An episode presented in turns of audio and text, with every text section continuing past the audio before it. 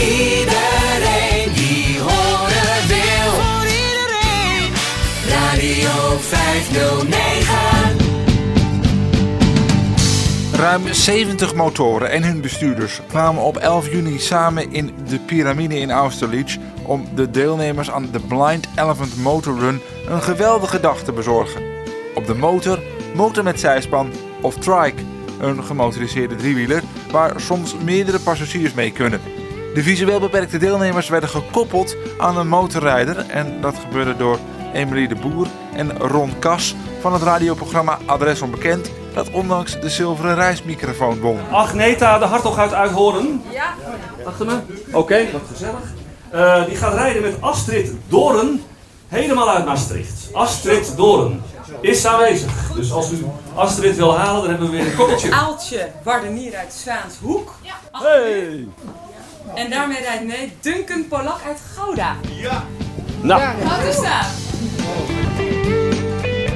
Zelf mag ik plaatsnemen in de zijspan bij Leendert Bruil, die samen met zijn vrouw Puk, die ook motor rijdt, en hond Lana meedoet aan de motorrun. Wij rijden eh, eh, vijf of zes keer per jaar met gehandicapten. In de zin van eh, jong en oud. Vorige week hebben we er twee gehad. Twee eh, meisjes van de jaren 15 of eh, 14 met Down syndroom. En eh, een tweeling. En dat was heel leuk. Heb je dan altijd met een zijspan gereden? Niet altijd met een zijspan. Eh, we hebben ook nog een eh, motor zonder zijspan thuis. Maar, eh, Maar deze is dan speciaal Deze- voor dit soort ritten, maar ja, zeggen. maar ook eigenlijk hebben we ze ook voor de honden eigenlijk. Dat, we hebben nog meer honden en dan kunnen die ook mee in het Oh, die kunnen dan ook mee. Oh, wat een gezelligheid.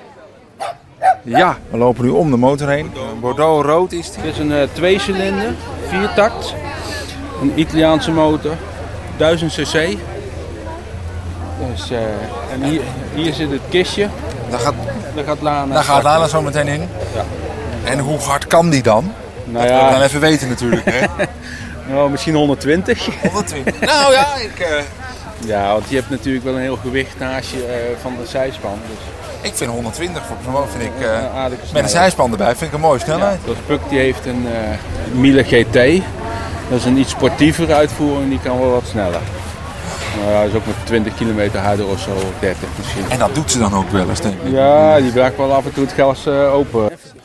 De helm gaat op. Hup, daar gaat hij. Mag jij? Dan mag ik. Mag jij? Deze voet. Dit is, dit is, ja, Ja, mag, mag je hierboven mag je daarop gaan staan? Oké. erop gaan staan? Als het lukt. Ik stap nu in de zijspan. Kijk, dat zijn goede geluiden. En nu rijden we echt op de openbare weg. En zijn we echt van start gegaan. Ik hoop dat je me nog kunt horen.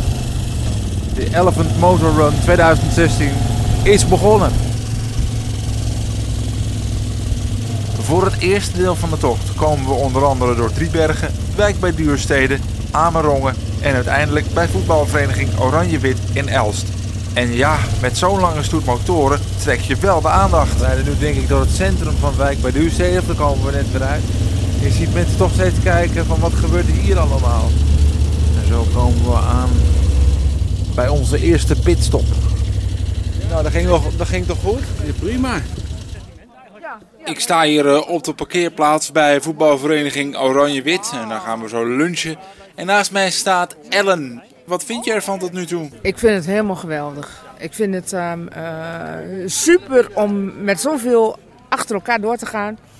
En eh, mooi landschap. Ik zit eh, heel riant in een zijspan. En eh, ja, super geweldig. Ja.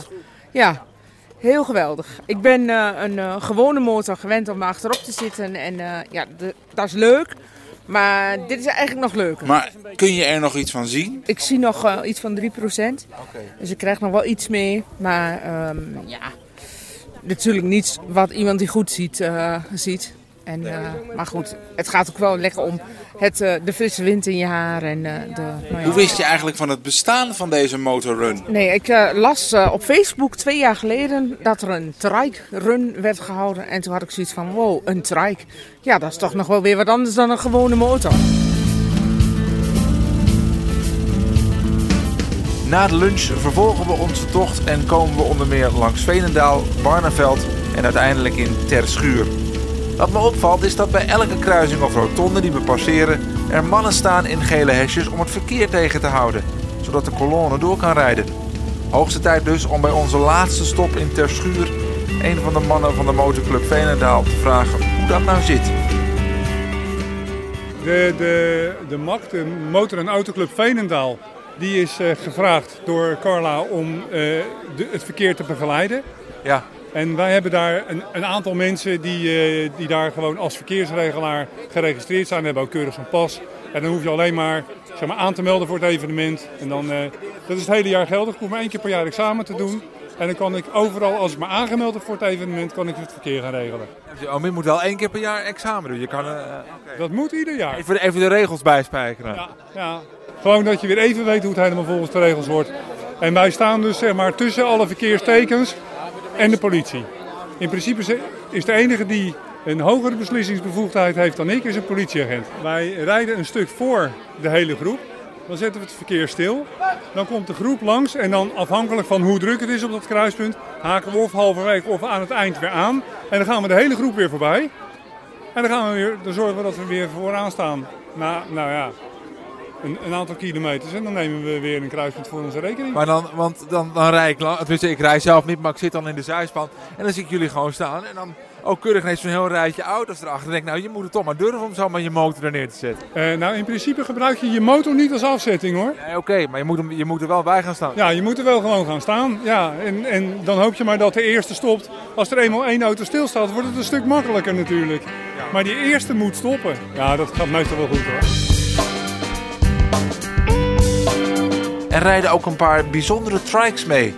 Eentje lijkt heel erg op een auto. En Jolinke mag meerijden op die trike. Ik, eh, ik zit in een hele mooie omgebouwde Mercedes. Het is net een auto, hij is ook omgebouwd. Ja, en je, je zit ook eh, vrij hoog volgens Ik mij. zit vrij hoog en droog. Hoog en droog, ja. Nou ja, als het gaat regenen niet hoor, dan eh, word ik toch wel nat. Maar eh, ja, daar zit ik in. Het, eh, zit erg comfortabel, Ja, erg lekker. Ik voel de wind door mijn haar gaan. En eh, ja, het- we hebben een best mooie route, want ik zie natuurlijk nog wel wat om me heen. En ehm, nou, mooi door de landerijen heen. En het is gewoon heel, heel erg mooi. Het is een heel fijn gevoel, vrij gevoel. Carla eh Schaat organiseert het één keer in de twee jaar. Als je ziet wat er allemaal bij komt kijken, kun je je daar iets bij voorstellen. Dus eh 2018? Ja, zeker. Ja? Ga je en, doen? eh, als, eh, als iemand nodig heeft om te helpen, dan ben ik eh, zelfs wel van plan om haar te helpen. En geniet nog even van het laatste stukje. Ga ik zeker doen. Tijd voor het laatste deel van de tocht. Terug naar het restaurant waar we begonnen. Niet alleen om een pannenkoek te gaan eten, maar ook om een gesprek te hebben met de vrouw die dit allemaal heeft bedacht en opgezet. Carla Schaat. Waarom heet het eigenlijk de Blind Elephant Motor Run? Nou, dat zal ik je zeggen. Ik ben zelf blind. Mijn man verzamelt olifanten. En de motorrun moest toch een naam hebben. En wat is te makkelijker en duidelijker dat het voor blinden en slechtzienden is. Dat het de Blind Elephant Motorrun genoemd wordt. Het kan allemaal zo simpel zijn in het leven. Ja, Ja. precies. Maar dit is dus een, een evenement waar je dus nou, bijna twee jaar misschien wel mee bezig bent. Wel je mal. Het eerste jaar was ik er een jaar mee bezig. Nu gaat de mond-op-mond reclame zijn werk doen.